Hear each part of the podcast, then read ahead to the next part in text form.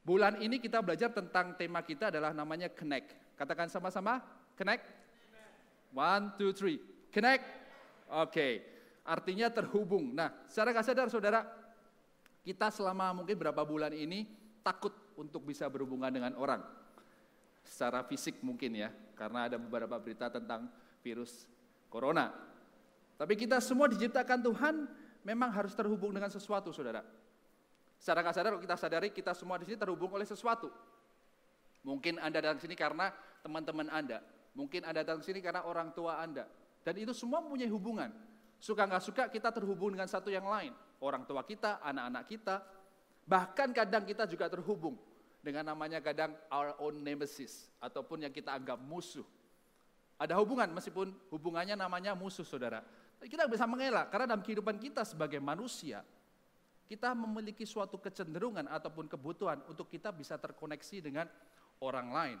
Kalau kita lihat saudara, dari awal penciptaan, di kejadian waktu Tuhan menciptakan manusia pada awalnya, perhatikan kalau Anda baca dari kejadian, Tuhan tidak menciptakan manusia, setelah itu dia duduk diam saudara. Tuhan menciptakan Adam sebagai manusia yang pertama, dia berinteraksi dengan Adam memberikan perintah kepada Adam untuk menguasai bumi, untuk memberikan perintah kepada Adam untuk menamai seluruh hewan dan tumbuhan. Jadi Allah tidak berhenti pada waktu Tuhan menciptakan manusia, ditinggal begitu saja. Kalau cuma ditinggal begitu saja berarti manusia diciptakan tidak berfungsi sebagai ah, mempunyai koneksi dengan Tuhan. Nah kita harus tahu dari setiap kita ini memiliki suatu kebutuhan untuk terkoneksi dengan orang lain. Nah koneksi ini memberatkan suatu hal yang bisa dikatakan baik dan juga bisa buruk saudara. Dari zaman dulu, kalau kita ngomong tentang terkoneksi dari satu dengan yang lain, orang mulai menciptakan mungkin dari dulu nggak bisa lewat telepon. Kita yang dari jauh bisa terkoneksi dengan dekat lewat telepon. Zaman sekarang lebih banyak lagi, saudara berngomong. Bisa dari handphone, bisa dari WhatsApp, bisa dari Instagram maybe, dari Facebook, dari yang saya sebutkan yang modern-modern aja ya. Kalau saya sebutkan yang lama, Anda tahu saya dari umur berapa. Tapi yang masih survive sampai sekarang saya rasa masih Facebook dan Instagram. Yang Anda bisa terkoneksi dengan bahkan dengan orang yang ada saudara tidak kenal. Inilah yang membuat suatu hal dalam kehidupan kita kalau kita tidak aware, kita tidak sadar bahwa apa yang membuat kita terhubung dengan orang lain bisa membuat efek yang baik ataupun efek yang buruk. Jadi judul pertama saya dalam khotbah uh, sore hari ini adalah bisa ditampilkan slide-nya? What to do when your heart hurts. Nah saudara,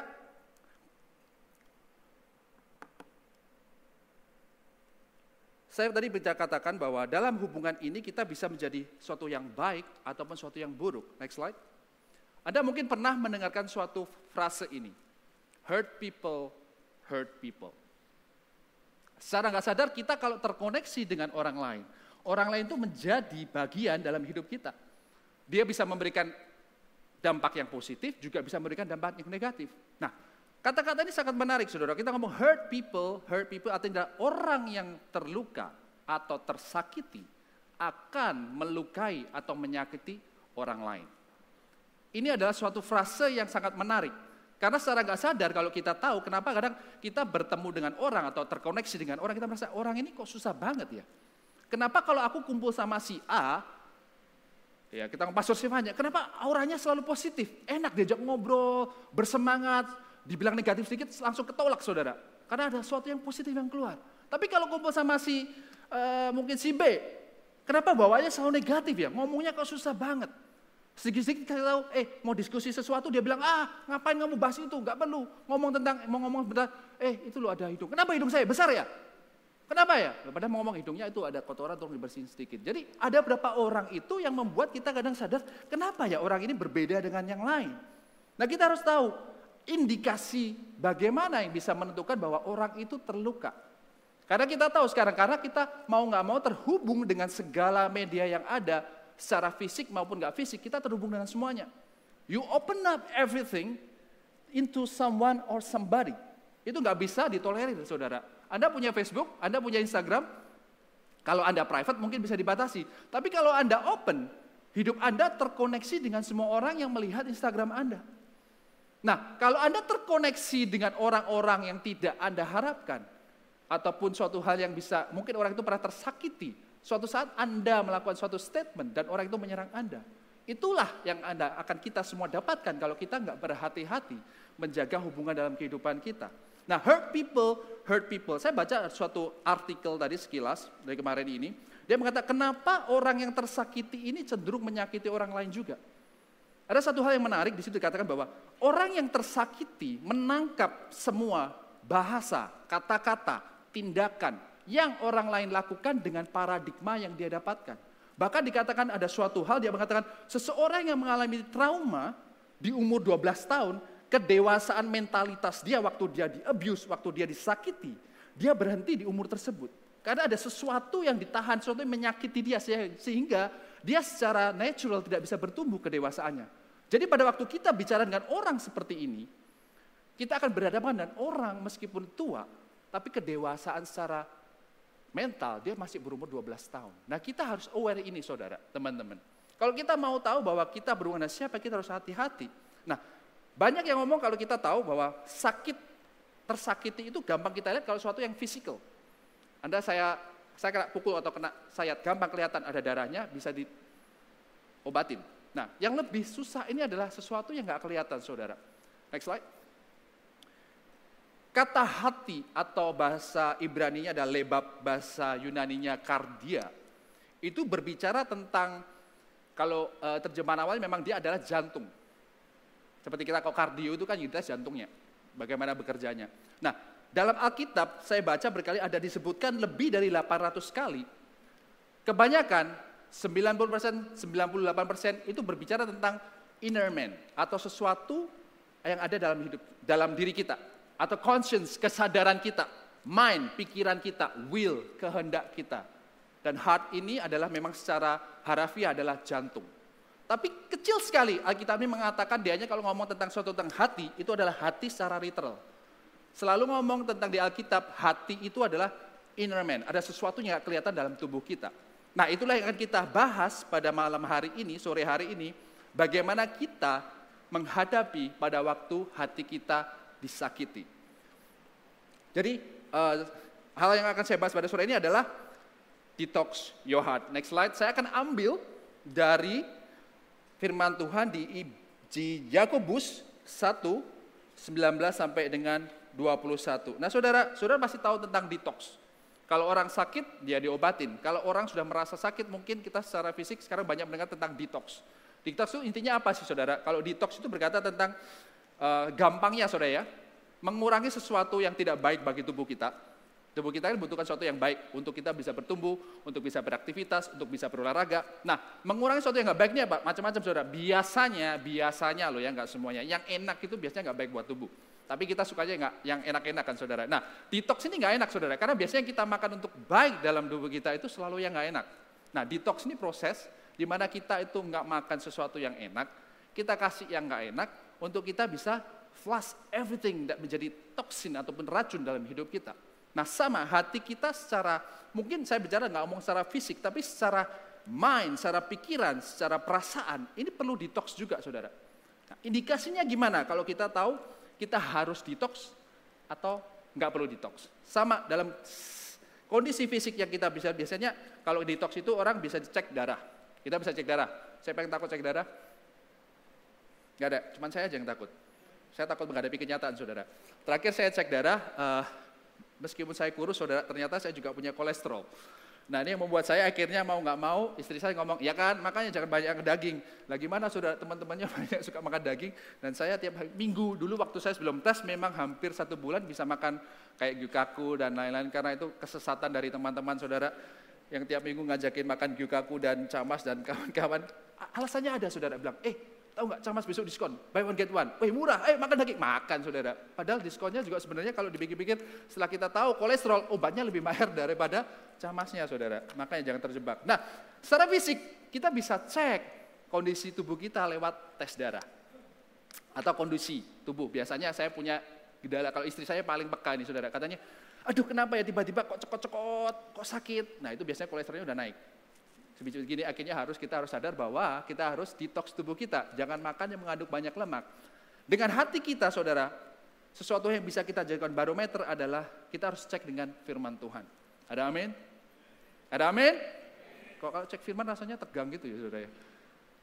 Tuhan memberikan Nabi kita firman Tuhan untuk kita bisa cek hati kita saudara. Contohnya nih, kalau firman Tuhan ngomong, berapa lama Tuhan, berapa kali Tuhan saya harus mengampuni sesama saya. Tuhan bilang harus mengampuni tujuh kali tujuh kali tujuh lagi ya. Berarti intinya selamanya harus ngampuni. Nah, kalau hati kita merasa, ya saya bisa ngampuni si A lah tujuh kali tujuh selamanya karena dia ya teman baik lah atau istri saya. Tapi yang itu saya nggak mau. Nah ini mulai saudara. Berarti ada sesuatu dalam hati kita yang tidak bisa menerima. Nah kita mulai aware nih, ada satu lagi Tuhan ngomong mungkin, berdoalah untuk seseorang yang menganiaya kamu. Ada kan ayatnya, Pastor Siva? Bisa dibuktikan? Nah saya tidak ngelantur, sudah tahu, jadi ada buktinya. Nah kalau kita mulai, ngapain harus doa buat orang yang menganiaya kita? Kan rugi, kita aja hati kita sakit, disakiti sama mereka. Kenapa kita harus berdoa mereka? Nah ini harus cek saudara. Begitu pakai dengan cerminan firman ini kita bisa tahu, apakah hati kita itu benar, apakah hati kita itu masih sehat dalam kehidupan kita Nah silakan sore hari ini saudara bisa dicek pelan-pelan sambil kita uh, mendengarkan firman Tuhan. Bagaimanakah kondisi hati kita? Apakah hari ini, sore hari ini hati kita memang perlu di detox? Nah puji Tuhannya, meskipun saya juga manusia pasti ada saudara, nggak ada hati yang sempurna di hadapan Tuhan. Tapi saya bersyukur Tuhan kita itu berkata dalam firman-Nya, hati yang hancur adalah dupa yang harum dalam kehidupan dalam hadiratnya. Makanya kalau punya hati yang hancur, jangan kecil hati saudara. Kita manusia tidak pernah terlepas dari kesalahan dan juga dari segala keputusan yang jelek. Tapi Tuhan tahu waktu kita datang kepada Tuhan, mengakui bahwa Tuhan, I made a big mistake, I make a foolish mistake. Saya bertobat dan Tuhan mengambil hati itu akan membentuknya kembali. Nah saudara, ada amin? Kayaknya tegang, bisa lebih cheer up gitu ya. Hati saya mulai terganggu juga nih melihat wajah-wajah yang tegang seperti ini. Nah, ketawa gitu lebih baik. Oke? Nah, saya akan ajarkan ada tiga hal tentang yang saya ambil dari Yakobus 1, 19 sampai 21, bagaimana kita bisa detox hati kita. Yang poin pertama adalah defend and guard your heart. Nah, saudara, kenapa saya ambil ini? Saya tidak uh, mengarang-arang, saya mengambil ini karena saya belajar tentang firman ini mengatakan seperti ini. Saya akan menggambarkan dengan kata-kata yang lebih mudah, bisa kita artikan dan kita bisa pelajari. Defend and guard your heart. Ayat selanjutnya adalah Jagalah hatimu dengan segala kewaspadaan, karena dari situ terpancar kehidupan. Nah saudara, kenapa firman ini mengatakan kita harus menjaga hati kita? Simple, jawabannya karena dari situlah sumber atau terpancar kehidupan. Nah saudara tanya, kalau bagaimana Anda mau membawa hidup Anda, kehidupan Anda, Anda harus cek dulu hati Anda gimana. Kalau Anda ingin membawa hidup Anda menjadi kehidupan yang penuh dengan kebahagiaan, sudah seharusnya kebahagiaan itu terpancar dari dari? Dari? Ha? Hati, ya, haleluya. Ada yang mengikuti sampai sekarang, sampai hari ini ya. Oke. Nah, Tuhan berkata, jagalah hatimu dengan segala kewaspadaan, karena dari situ terpancar kehidupan. Sangat penting, saudara. Bisa saya refresh lagi dengan terjemahan yang bebas, kalau saya jadikan apa katanya, janganlah jaga hatimu dengan segala kewaspadaan, karena dari situlah terpancar lawannya kehidupan, kematian. Atau segala hal yang buruk selain dari kehidupan. Kalau kan kita nggak menjaga dengan baik, saudara, yang ada dalam hati kita yang keluar, itu bukan kehidupan. Itu menjadi suatu hal yang akan kita sesali di kemudiannya. Nah, dalam menjaga hati, kalau saya pelajarin di ayat uh, Amsal 423 ini, jaga hati, jaga itu lebih dari cuman segala kalau kita cuman uh, saya ngomong defend and guard. Nah, menjaga ini kalau bahasa Indonesia cuman menjaga, saudara. Tapi kalau di bahasa Inggris, dia mempunyai sedikit perbedaan antara defending and guarding. Nah, kata jagalah ini di bahasa aslinya dia berkata lebih sebenarnya seperti a guard. Kalau penjaga itu dia mengartikan e, membahasakan adalah dia seorang yang penjaga penjara. Nah, penjaga penjara ini punya dua fungsi, saudara. Satu, dia menghalangi apa pun atau siapa pun yang masuk ke dalam penjara untuk mengeluarkan yang nggak baik dari keluar dari penjara. Satunya posisinya dia menjaga yang masih jahat-jahat semua ini ataupun yang melakukan segala kesalahan yang terhukum ini untuk bisa keluar dari penjara. Next slide.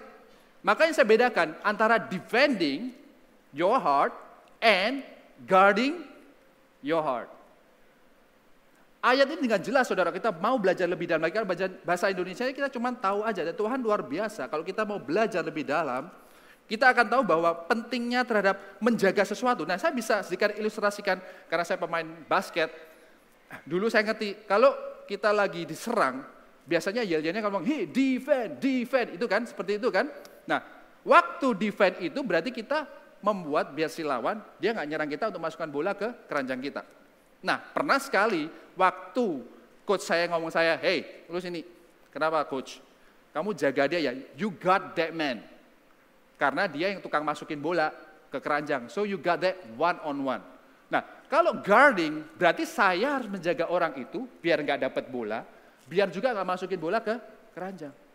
Ini ada dua perbedaan saudara. Ini menarik sekali kalau kita belajar di Yakobus kita ngomong Yakobus 9 eh 1 9 eh yang ke-21 berkata, "Sebab itu buanglah segala sesuatu yang kotor dan kejahatan yang begitu banyak dan terimalah dengan lemah lembut firman yang tertanam di dalam hatimu yang berkuasa menyelamatkan jiwamu." Nah, saya kasih warna yang satu yang terimanya itu biru nanti akan saya akan kembali ke sini lagi Saudara.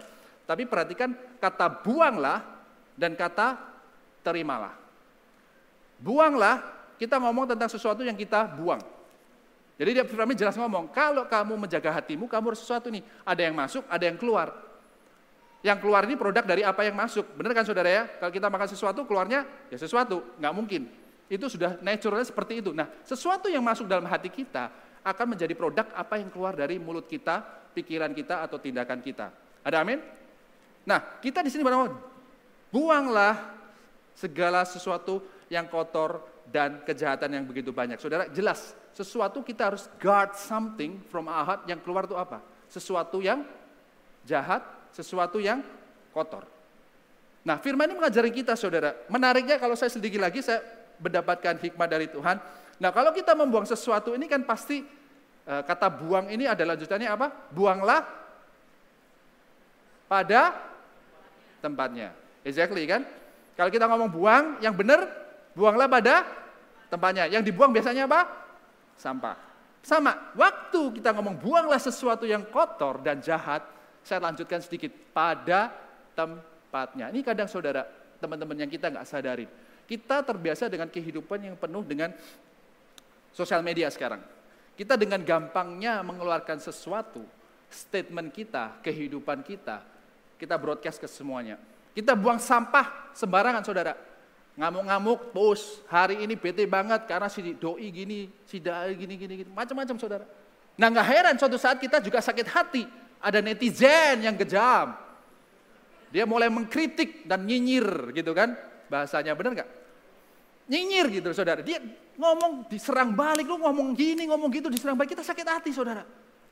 Tapi kalau kita tahu, kalau saudara kita buang sampah tidak pada tempatnya, sampah itu merugikan kita nggak suatu saat? Ya contohlah jangan di, di jalan raya saudara ya, buang sampah mungkin yang, yang susah ya banyak orang. Coba di rumah deh. Kan punya rumah sendiri-sendiri kan? Punya? Nggak punya nggak apa-apa, kos maksudnya tempat sendiri, tinggal ada kan? Nah coba buang sampah sembarangan deh. Satu minggu, baunya mulai di mana-mana, mulai kacau, mulai nggak enak semuanya, penyakit mulai di mana-mana. The same thing in our life. Kalau kita nggak menjaga hati kita, yang keluar itu kotoran, memang dia ngomong harus dikeluarkan kotoran ini. Kalau enggak dia akan menjadi sampah dalam hati kita. Tapi dia ngomong, kalau buang itu pada tempatnya. Nah saya percaya saudara, Tuhan ini baik saudara. Saya punya pengalaman juga uh, di konseling dan juga konseling. Nah, yang saya pelajarin, kita itu manusia punya kapasitas. Sebaik-baiknya orang itu kalau kita itu selalu lempar sampah dalam hidupnya, cerita ini gini-gini cerita enak, kadang kita lepaskan. Tapi orang ini menerima sampah, saudara. Dan suatu saat sampah ini juga akan penuh dalam hidup seseorang yang kita kasihi, yang kita percaya untuk menerima segala sesuatu sampah dalam hidup kita ini. Nah pertanyaannya, suatu saat dia pasti akan melompat juga. Semua sampahnya akan merasa, ngapain sih kamu? Gitu aja juga nggak bisa ambil keputusan. Gitu aja selalu ngomong sama aku, selalu tanya gini. Kan sudah tak kasih tahu berkali-kali. Akhirnya meletus juga saudara. Nah cara yang paling aman adalah kita datang kepada Tuhan sendiri. Ada amin? Kalau kita buang sampah, kelihatannya kok buang sampah kepada Tuhan sih saudara? Benar nggak? Pastor kok ngomong buang sampah kok sama Tuhan sih kurang ajar. Tapi tahu saudara, kalau Anda baca di Mazmur, di kitab ratapan, Daud, semua orang yang bergantung sama Tuhan, Ayub, dia berkeluh kesah sama siapa? Amin. Dia berkeluh kesah sama siapa? Dengan Tuhan, saudara. Karena Tuhan kapasitas hati, kasih tidak terbatas. Jadi jangan heran kenapa Ayub diserang oleh teman-temannya. Karena teman-temannya capek. Lu sok suci banget sih. Lu kok merasa benar di hadapan Tuhan? Lu siapa? Nah itu saudara, makanya kita harus berhati waktu kita mau menjaga sesuatu yang keluar dan membuang, kita harus tahu membuang pada pada tempatnya. Alright, nah yang kedua adalah defending. Nah, defending ini saudara ada suatu uh, yang perlu saya garis bawahi adalah untuk menjaga sesuatu yang masuk. Defend our heart is different from being defensive. If you defend our heart, yes, it's true. But being defensive is a different thing. Kenapa Pak? Kadang kita ngobrol sama orang itu ngomong sedikit aja sudah bete. Nah saya ada punya teman juga saudara yang ngomong tadi ya, biasanya sih mostly kalau zaman-zaman dulu secara fisik ngomong sedikit aja gitu, eh lu kelihatan apa gedut. Padahal belum selesai ngomong. Nah ada sesuatu yang membuat kita itu kalau menyentuh, ngomong sama orang menyentuh suatu topik tertentu dalam kehidupan orang tersebut, akan reaksinya melebihi dari apa yang seharusnya mungkin kita maksudkan. Nah be careful with that. Jangan merasa bahwa kalau kita merasa, kan saya harus defend ahad kan, kalau saya tiba-tiba mau buka itu, tiba-tiba disakiti gimana? Nah it's different thing. Kita harus tahu bahwa waktu kita defend, kita harus memilah mana yang mau kita masukkan, tapi tidak menutup membangun tembok. Nah tembok ini yang tadi Pastor Raymond katakan bagus kita di sini berhubungan dengan orang, tidak membangun tembok tapi membangun jembatan saudara. Kalau kita bangun tembok bayangin, impact atau kerusakan yang paling besar pada waktu suatu benturan terjadi adalah pada waktu benda-benda itu sama-sama keras. Kalau satunya sepon, kerusakannya akan minimal. Karena apa? Yang sepon ini dia akan meredam segala kerusakan yang ada. Nah sama dalam kehidupan saudara, kalau Anda ingin hubungan Anda baik dengan orang-orang yang Anda kasihi, meskipun Anda tahu diri Anda masih memiliki banyak kekurangan atau hati kita masih banyak kesakitan atau kepahitan dan lain, don't build a hard wall. Bangunlah sesuatu yang lebih lembut. Biarlah waktu Anda bertubrukan, Anda tidak terlalu sakit. Anda dapat poin hari ini bahwa kita harus menjaga hati kita terhadap sesuatu yang masuk, tapi juga terhadap sesuatu yang keluar. Itulah detox kita yang pertama. Dan kita lanjut yang kedua, poin yang kedua adalah kita berbicara tentang kapasitas, yaitu enlarge your heart. Nah saudara, your heart ini saya bayangkan satu, uh, saya analogikan seperti waktu kita detox. Waktu kita detox, atau waktu kita sakit biasanya, Waktu kita sakit itu indikasinya biasanya tes darah nih. Saya biasanya kalau ada infeksi dalam tubuh kita. Biasanya indikatornya kenapa? Oh eh, sel darah putihnya naik. Karena ada infeksi dalam hidup kita. Apa yang dilakukan biasanya? Kita kasih obat ataupun apa untuk boosting sehingga imun tubuhnya bisa bekerja, dia melawan infeksi tersebut. Nah itulah yang natural bisa dilakukan dalam tubuh kita. Sama dalam hati kita pada waktu kita mengalami suatu sakit ataupun Eh, kepahitan ataupun yang membuat hati kita merasa sakit, satu hal yang bisa kita lakukan juga adalah kita harus membesar kapasitas hati kita. Kapasitas hati ini berbicara tentang sesuatu hal yang dibicarakan di ayat 20. Mari kita baca bersama. Eh 19, sorry. Hai saudara-saudara yang kukasih yang ayat yang kita bacakan tadi Eropa Sifanya, ingatlah hal ini. Setiap orang hendaklah cepat untuk mendengar, tetapi lambat untuk berkata-kata, dan juga lambat untuk marah. Nah saudara kalau kita bicara, hendaklah cepat untuk mendengar tetapi lambat untuk berkata-kata. Nah ini artinya apa saudara? Gampang secara eh, logika aja, kalau kita menampung lebih banyak, kita butuh space lebih banyak. Benar? Kalau kita cepat dengar, cepat ngomong, berarti space-nya nggak perlu gede-gede. Ya udah dengar apa? Keluar aja, balas ini, balas ini, balas ini. Nah, yang kita katakan firman Tuhan ini waktu kita lebih banyak cepat mendengar, tapi lambat untuk berkata-kata dan juga lambat untuk marah, artinya kita harus memiliki tampungan yang lebih besar. Saya sering kali saudara punya pengalaman, saya sudah menikah 13 tahun. Di awal eh, pernikahan saya, itu saya banyak berdebat dengan istri saya, bertengkar dengan istri saya karena hal seperti ini saudara. Cepat mendengar, cepat saudara, cepat. Cepat mendengar, tapi bikin panas yang bikin cepat mendengar. Cepat mendengar tapi cepat ngomong juga saudara. Nah saya pernah ingat, saya ingat saya perjalanan dari barat ke timur, rumah saya waktu saya masih di Mulyasari. Saya membahas sesuatu tentang membesarkan anak. Padahal gak ada hubungannya, anak aja belum punya. Tapi pada waktu dia kita ngomong tentang membesarkan anak ini, dia mengatakan sesuatu yang menyentuh button saya, saudara. Jadi saya masih ingat keluarnya, ya kamu jangan mendidik seperti papamu mendidik kamu. Maksudnya dia mungkin nggak berhenti sampai di situ, saudara. Maksudnya jangan seperti itu, nah, kita harus punya cara sendiri lagi. Nah itu keterusannya. Tapi karena saya cepat mendengar, juga cepat menjawab, tak potong saudara. Kamu ngapain ngurusin orang tuaku, didik aku? Terus karena dia ngomong, loh saya lah, yuk nyolot, bentar saya tak masuk belum hari. Nah, dia meninggi juga saudara. Akhirnya cepat mendengar, cepat ngomong, cepat mendengar, nggak selesai. Akhirnya waktu perjalanan mulai sehari sampai barat saudara, lama saudara, itu hampir satu jam. Kita ngomongnya satu hal, bertengkarnya juga satu jam. Akhirnya kita berhenti waktu di rumah, sudah capek kan, capek sudah, engkel-engkel itu capek. Bertengkar juga capek, akhirnya mulai makan, enak perut yang dikit, terus kita ngomong, eh kita tadi bertengkar apa ya? Iya apa ya? Bahasa anak, iya. Padahal anak kan belum punya, iya. Kan nanti kan, iya. Gak boleh dibahas kan mestinya. Ya gak perlu sih. Akhirnya itulah yang terjadi saudara. Karena saya cepat mendengar, waktu sesuatu menyentuh batin saya, saya nggak punya space yang besar untuk menampung semuanya, untuk saya bisa mengatakan sesuatu yang, oh mencerna maksud istri saya itu apa? Oh kalau mendidik anak, jangan pakai cara orang tua, pakailah cara kita yang bersama-sama, karena kita sudah satu keluarga. Benar kan saudara?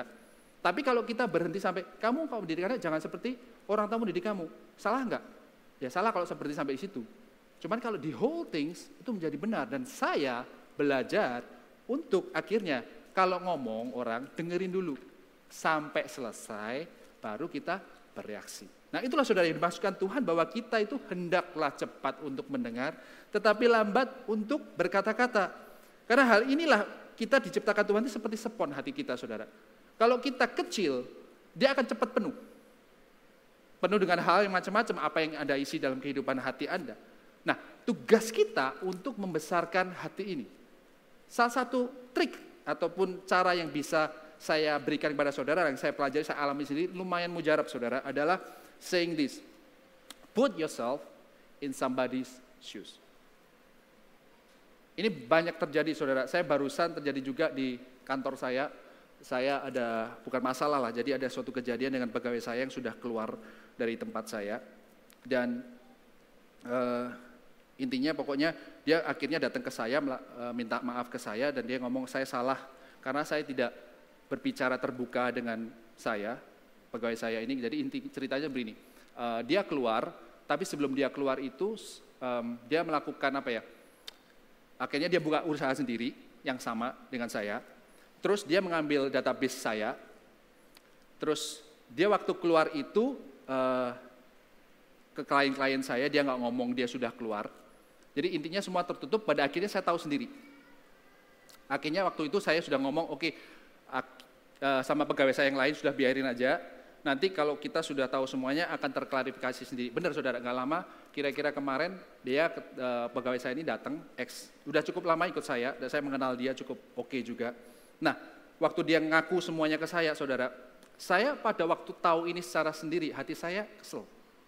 Saya marah, saya saya merasa nggak patut diperlakukan seperti ini karena saya sudah melakukan apa yang saya bisa untuk membuat dia baik sebelumnya. Karena dia bekerja saya lumayan lama, sekitar lima tahunan lah.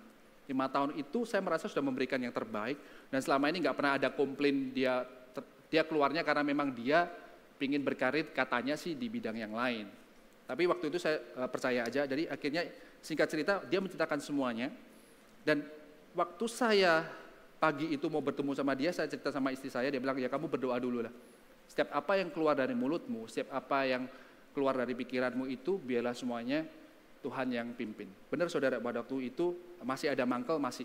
Secara manusia kita masih mangkel lah, digituin. Nah saya waktu ketemu dia itu somehow miraculously, waktu dia ngomong itu nggak ada sedikit pun perasaan marah. Justru pada waktu dia ceritakan semuanya itu, Tuhan tuh bimbing saya untuk bisa melihat dia bilang, hey kamu tanya dia, dulu waktu kejadian dia sebelum kerja sama kamu, hidupnya dia sebelumnya gimana. Itu mulai di recall lagi saudara dalam kehidupan dan pikiran saya. Dan saya bisa mengerti, paling enggak kenapa dia melakukan itu. Dan meskipun akhirnya sebenarnya dia tuh struggle untuk berkata, ngomong, saya ingin ngomong sama saya earlier, tapi karena dia tanya ke teman-temannya, ngomong sama banyak orang yang dia minta pendapat, dia ngomongnya nggak usah lah. Kalau bosmu nggak tanya, nggak usah tanya, nggak usah nggak usah ngomong sama dia, ngapain? Nah, dia mengikuti saran itu, saudara, dan akhirnya dia menyesal. Waktu dia cerita sama itu, saya mulai Tuhan memberikan hikmat pada saya untuk coba kalau kamu taruh posisimu dalam kondisi orang tersebut. Dia orangnya, uh, papanya menikah lagi, ibu mamanya barusan meninggal kira-kira tiga tahun yang lalu terus dia di, uh, sama orang tuanya eh, nggak uh, baik hubungannya merasa dianggap nggak berhasil adiknya yang pertama tinggal sama dia harus menikah dia keluar uh, menikah sama orang lain dan dia Kristen memang tapi dia uh, berhubungan atau menikah dengan orang yang beda agama nah dengan latar belakang seperti ini Tuhan memberikan hikmat pada saya untuk apa yang dia alamin apa yang dia rasakan apa yang dia harus hadapi setiap hari. Tidaklah seperti apa yang saya bayangkan begitu. Oh, kalau saya hadapi kan ya setiap hari baik, saya dengan istri saya baik, semuanya happy. Makanya saya nggak punya pikiran buruk seperti itu. Tapi kalau saya pastikan, maksudnya hidup saya itu mengikuti apa yang dia rasakan, kemungkinan saya juga nggak akan gampang percaya sama orang. Mungkin saya pikir kalau saya ngomong sama gini bosku nanti malah marah. Kalau saya ngomong gini bosku malah ditutup jalan nih kak karu-karuan. Nah itulah pemikiran yang membuat saya akhirnya saya bisa mengerti kenapa dia tidak ngomong sama saya di awal. Nah itulah saudara, yang saya belajari di sini adalah waktu kita bisa taruh kondisi kita dalam kehidupan seseorang itu akan membantu kita untuk tidak gampang tersulut oleh emosi dan mengatakan bahwa kamu tidak layak dan kamu melakukan suatu kesalahan yang besar dalam kehidupan kamu. Itulah yang membantu saya untuk bisa memiliki hati yang lebih besar, hati yang lebih legawa, untuk melihat bahwa setiap orang juga melakukan kesalahan. Tapi kesalahan itu apakah memang dia sengaja ataupun memang dia karena kondisi dalam kehidupannya. Saya harapkan saudara bisa terbantu untuk bisa mengerti, untuk kita bisa membesarkan kapasitas hati kita. Kita bisa paling enggak mulai berpikir kalau terbentur oleh seseorang, paling enggak kita tahu apa yang dihadapi orang itu. Apa yang membuat dia berbuat seperti itu? Apa yang membuat dia berkata-kata seperti itu? Akan membantu kita menjadi lebih orang yang dewasa. Nah, poin yang ketiga, jadi setelah D, I, yang terakhir adalah TOX. Nah ini kata Pastor Sivanya agak maksa. Tapi ya nggak apa-apa lah, dipaksain aja. Atau yang bikin saya, yang ngomong saya kan. Just kidding, saudara. Nah, yang ketiga adalah to experience it, TOX gitu kan maksudnya ya, nggak apa-apa lah. Kan kan, kan D kan, D, divine and God. Ini TOX-nya saudara. Toksnya itu berkata to experience it for a greater purpose. Nah saudara, seperti yang tadi katakan adalah kita harus merasakan sesuatu ini untuk kita tahu kenapa sih kita harus merasakan ini semua. Karena kita nggak tahu alasannya saudara. Sometimes kita detox pun gampang berhenti di tengah jalan. Saya pernah ngerasain saudara. Jadi detox itu karena ikut-ikutan tren saudara. Teman-teman pada detox itu kan makan sayur doang, nggak makan daging. Terus saya ikut saudara. Hari pertama tersiksa saudara, aduh kelihatan daging gak kuat. Hari kedua sudah berhenti saudara. Nah saya pelajari kenapa saya begitu gampang saya menyerah untuk melakukan hal yang gak enak. Karena detox juga gak enak saudara. Nah saya pelajari saudara, saya mengerti akhirnya karena saya waktu itu gak ngerti kalau saya punya kolesterol saudara. Jadi ngapain saya makan sayur terus, daging masih enak. Nah akhirnya saya tidak bisa melaksanakan detox itu. Nah sama dalam kehidupan kita saudara. Di ayat yang 20 berkata, sebab amarah manusia tidak mengerjakan kebenaran di hadapan Allah. Nah kalau ayat sebelumnya berkata-kata, saya bacakan aja. Hai saudara-saudara yang kukasih, ingatlah hal ini. Setiap orang hendaklah cepat untuk mendengar, tetapi lambat untuk berkata-kata, dan juga lambat untuk marah. Ini kan hal yang kita lakukan tadi. Kalau kita mau expand our heart, susah. Kita harus bisa belajar mengampuni, belajar berpikir lebih besar. Nah, untuk menjaga kita bisa melakukan itu, ayat berikutnya ngomong, sebab biar kamu tahu kenapa sih kamu harus membesarkan hatimu, kenapa sih kamu harus lambat untuk marah, lambat untuk berkata, tapi cepat untuk mendengar. Karena Tuhan ngomong, amarah manusia tidak mengerjakan kebenaran di hadapan Allah. Saudara, banyak sekali kita harus mengerti why. Kalau kita nggak ngerti why-nya, apa yang kita lakukan kita akan berhenti di tengah jalan. Untuk urusan hati saudara, nggak gampang. Kalau ngomong teorinya kita tahu lah. Kalau kita ngomong kita harus mengampuni orang, kita harus mengerti uh, orang itu punya kehidupan bagaimana. Kita semua mengerti teori. Tapi pada kenyataannya pada waktu hati kita disakiti, hati kita dikecewakan, akan sangat mudah kita ngomong I don't care. Selama kamu nggak nggak berhubungan sama aku, I don't care. Kamu nggak usah hubungan sama aku. Kamu nggak usah terkoneksi sama aku. Kamu pergi sana. I don't really care. Tapi waktu kita ngomong gitu, ada sesuatu dalam hati kita masih tetap ada, yaitu suatu kemarahan dan mungkin masih benci dalam hati kita. Nah itulah yang Tuhan pingin kita tahu. Kita perlu detox hati kita, saudara. Kita perlu tahu ada sesuatu yang nggak benar dalam hati kita. Untuk kita bisa tetap maintain, Tuhan katakan di sini bahwa kita harus tahu sebab amarah manusia itu tidak mengerjakan kebenaran di hadapan Allah. Saudara, lihat selanjutnya saya berkata di Roma 8:28 berkata, kita tahu sekarang bahwa Allah turut bekerja dalam segala sesuatu untuk mendatangkan kebaikan bagi mereka yang mengasihi Dia, yaitu bagi mereka yang terpanggil sesuai dengan rencana Allah. Kata kuncinya adalah terpanggil dengan sesuai dengan rencana Allah, Saudara. Nah, banyak dari kita berpikir bahwa sakit hati itu suatu hal yang merugikan. Suatu kalau kita mengalami trauma itu adalah suatu kerugian. Kalau kita kehilangan sesuatu itu adalah suatu kerugian. Tapi di ayat ini berkata bahwa segala sesuatu Allah turut bekerja. Nah kalau kita ngomong segala sesuatu ini adalah suatu hal yang baik ataupun yang buruk. Kita mendapatkan berkat, kita kehilangan sesuatu. Segala sesuatu Allah turut bekerja. Nah kalau kita paradigma kita mulai kita rubah saudara bahwa kita ngomongkan bahwa sesuatu yang buruk, sesuatu yang menyakiti, sesuatu yang membuat kita merasa sakit, itu ada dalam rancangan Tuhan. Nah, paradigma kita mulai berubah. Oh, kalau Tuhan turut serta dalam rencana ini, berarti ada suatu maksud yang Tuhan inginkan kita semua bisa belajar dari masalah tersebut, sakit hati tersebut. Nah, saya ada uh, cerita saudara, uh, apa yang saya alamin yang mungkin bisa memberikan sedikit refleksi dari apa yang uh, saya sampaikan di ayat yang ketiga ini. Pada waktu saya kehilangan anak saya, Victoria anak yang pertama, uh, kita berdua mengalami suatu kesedihan yang luar biasa, yang kita merasa bahwa dalam hati kecil saya, saya ngomong sama Tuhan, Tuhan, saya nggak minta anak ini secara secara gimana ya? Hmm, nah, saya mesti jelaskan dulu, jadi biar nggak salah. Saya sama istri saya ini kita menikah 12 tahun lebih, sekarang 13 tahun. Pada waktu kita bergumul memiliki anak ini, saya pernah tanya sama dia, Hani, kamu kok nggak berdoa sampai gue tuh gitu sih punya anak? Maksudnya, ya you know lah, sampai nangis-nangis lah, delosor-delosor lah, sampai gulung-gulung tak ya apa. Kan mungkin Tuhan tuh denger no, karena kita tuh desperate gitu loh. Nah, in some point waktu aku tanya sama istri saya itu, dia cuma jawab gini, ya gimana? Hatiku tuh nggak bisa kayak gitu karena aku tahu Tuhan itu akan memberi kalau memang itu menjadi porsi dalam kehidupan kita. Nggak perlu sampai delosor delosor sampai nangis nangis itu nggak perlu gitu loh. Nah, at that time I was thinking, oh oke, okay.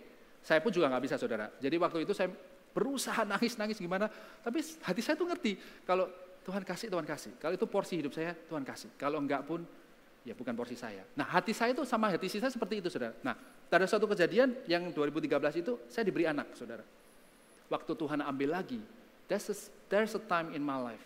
Di hati saya saya ngomong, Tuhan, anak ini kami berdua nggak minta sampai gimana. Kalau kamu kasih, kita bersyukur. Nggak kasih pun kita bersyukur. Tapi waktu kamu kasih, kenapa kamu ambil kembali? At that time my heart is full with question and a bit anger maybe, and a bit disappointment berjalan berwaktu-waktu kami berdua memulihkan semuanya. Tuhan berikan penghiburan Tuhan berikan pengertian yang baru berjalan. Kejadiannya baru kira-kira tahun lalu saudara. Ada suatu uh, teman dari IGF Sydney uh, she's um, Paulus Pastor Paulus ya wife. And this is came to me. Dia datang ke saya terus dia ngomong hey how are you? Dia bilang kita kita ngobrol-ngobrol sebentar. Hey you know what? Your story bless me so much Dia bilang, story yang mana? Udah lupa, udah lama. Tapi kan ada story yang baru. Enggak saudara, dia ingat kejadian 2013 yang lalu pada waktu saya dan istri saya struggle dan saya post di Instagram, this is my heart. Dia ngomong waktu saya keluarkan semuanya apa yang jadi hati saya, saya keluarkan, saya postkan, dan dia baca itu saudara. Saya nggak nyangka dia nggak kenal dia, dan dia ngomong ke saya, dia datang ke saya, hey you know what, I'm so blessed with your story, I'm so blessed with your heart, I'm so blessed with your wife as well.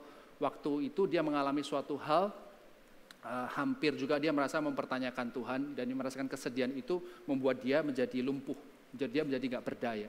Dan waktu dia diingatkan oleh cerita itu, waktu saya menyerahkan semuanya kepada Tuhan dan saya tetap mengucap syukur kepada Tuhan, cerita itu menjadi kekuatan bagi dia dan dia terus berjalan bersama dengan Tuhan. Dari detik itulah saya tahu bahwa apa pun yang Tuhan izinkan terjadi dalam kehidupan saya, entah itu suatu yang baik, entah itu suatu yang kurang mengenakan, tapi Tuhan turut bekerja dalam segala sesuatu untuk mendatangkan kebaikan dalam kehidupan saya. Nah saya percaya juga saudara, setiap kehidupan Anda memiliki suatu cerita yang nggak mungkin saya bisa melakukan, nggak mungkin semua orang juga bisa melakukan karena Anda diciptakan spesifik untuk suatu tujuan yang spesifik juga. Ingatlah sesuatu apa pun yang Tuhan taruh dalam kehidupan Anda. Kadang itu menyakitkan, kadang itu susah. Tapi waktu Tuhan mengatakan kebenaran itu bahwa kita harus melakukan dan membesarkan hati kita untuk menerima semuanya. Dan harus mengampuni kadang dan harus mengasihi tanpa syarat mungkin. Dan mungkin harus memberikan hati kita kepada orang lain juga untuk meskipun secara kita nggak terima diinjak dan lain-lain. Tapi Tuhan katakan bahwa kalau kamu mengikuti rencana yang aku ada dalam kehidupan kamu semuanya akan dibalikkan untuk kemuliaan Tuhan. Nah saya akan simpulkan dalam tiga hal dalam sore hari ini detox. Saya undang pemain musik bisa ke atas. Yang pertama adalah choose wisely what you let in and out from your heart. Pilihlah dengan hati-hati saudara apa yang Anda mau masukkan dan Anda keluarkan dalam hati Anda. Yang kedua adalah expand your heart capacity. Capacity is mean seperti kita tadi detox. Kalau kamu lagi sakit, you know, push something yang bisa membuat hati kamu menjadi lebih besar, menjadi lebih baik. Apakah itu tentang sesuatu yang menyenangkan, sesuatu yang kasih Tuhan? Just do it. Sesuatu yang bisa membuat boosting your heart. Expand it. Bikin lebih besar. Jangan seperti orang yang kerdil. Kata bahwa semuanya bisa kita lakukan bersama dengan Tuhan. Yang terakhir adalah God can use the pain in your heart and change it into something glorious according to his plan. Jadi tiga hal ini saudara saya berdoa bahwa kita semua pada sore hari ini bisa diingatkan Tuhan kembali. It's not nothing new, gak ada yang baru. Tapi saya ingin kita semua diingatkan pada sore hari ini bahwa dalam hati kita, kita perlu mengatakan cek rutin saudara. Lihatlah, patokannya gimana? Kita harus berpatok pada firman Tuhan. Kalau firman Tuhan mengatakan sesuatu dalam kehidupan saudara untuk saudara lakukan. Kalau hati Anda melawan itu, berarti Anda harus cek lagi. Harus detox lagi, harus detox lagi. Perbaruilah selalu pengertian juga pemahaman terhadap apa yang Tuhan berikan dalam kehidupan saudara. Jangan berkaca dari pengalaman lama saudara. Kalau seperti ini, seperti itu pasti enggak. Tuhan memberikan sesuatu yang baru dalam kehidupan saudara dan saya. Nah, di terakhir saya akan berikan sedikit ilustrasi saudara. Saya sudah coba ini, semoga tidak uh, berantakan. Kalau berantakan saya harus ngepel saudara. Nah, saya bicara ada dua hal ini saudara, bentuknya beda tapi saya anggap sama. Jadi ini adalah kontainer hati kita. Satunya gelas ini, satunya lebih besar. Dan bola-bola ini adalah saya umpamakan hal-hal yang membuat diri kita tersakiti, hati kita trauma, pernah dikecewakan, hati kita marah, macam-macam yang buat hati kita. Nah kalau kontainer hati kita seperti ini, mungkin satu cukup, dua cukup masihan. Kalau tiga, kena senggol dikit aja udah jadi hook. Kita ngomong hook ya, ya? Jadi pemarah. Jadi semuanya nggak peduli sama orang. I don't really care about you. Cuma dua. But remember, if we expand our heart, kita bikin hati kita lebih besar, dalam kondisi apa pun. Semua yang kita masukkan, dua ini masih ada saudara. Saya pindah ke sini ya, dua masih ada. Mungkin ditambah lagi, masih cukup saudara. Tambah lagi, masih cukup saudara. Kalau tambah lagi mungkin sudah kesenggol dikit juga udah meluber lagi. Ada satu hal saudara, sebesar-besarnya kapasitas hati kita. Kita manusia, yang gak terbatas cuma Tuhan. Hati kita terbatas bentuknya. Ada mungkin punya saya segini. Kalau pastor semuanya gini. Jadi nggak apa-apa ngomong aja semuanya pastor semuanya. Dia pasti terima. Kalau saya cuma segini mungkin. Anda mungkin segini. Ada yang segini, ada yang gede. Tapi nggak ada satupun di dunia ini saudara. Manusia yang memiliki kapasitas yang nggak terbatas. Hanya Tuhan yang punya. Nah menarik saudara. Pada kalau ada tadi uh, bisa slide yang ayat yang saya uh, tandai biru.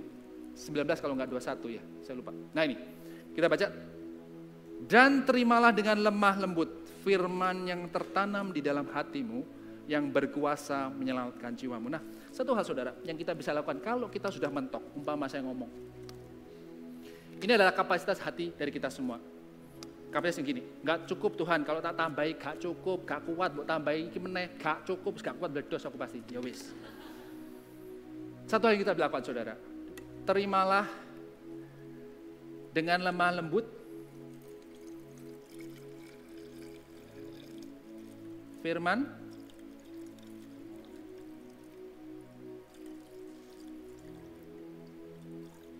Ini perlu skill saudara. Kalau enggak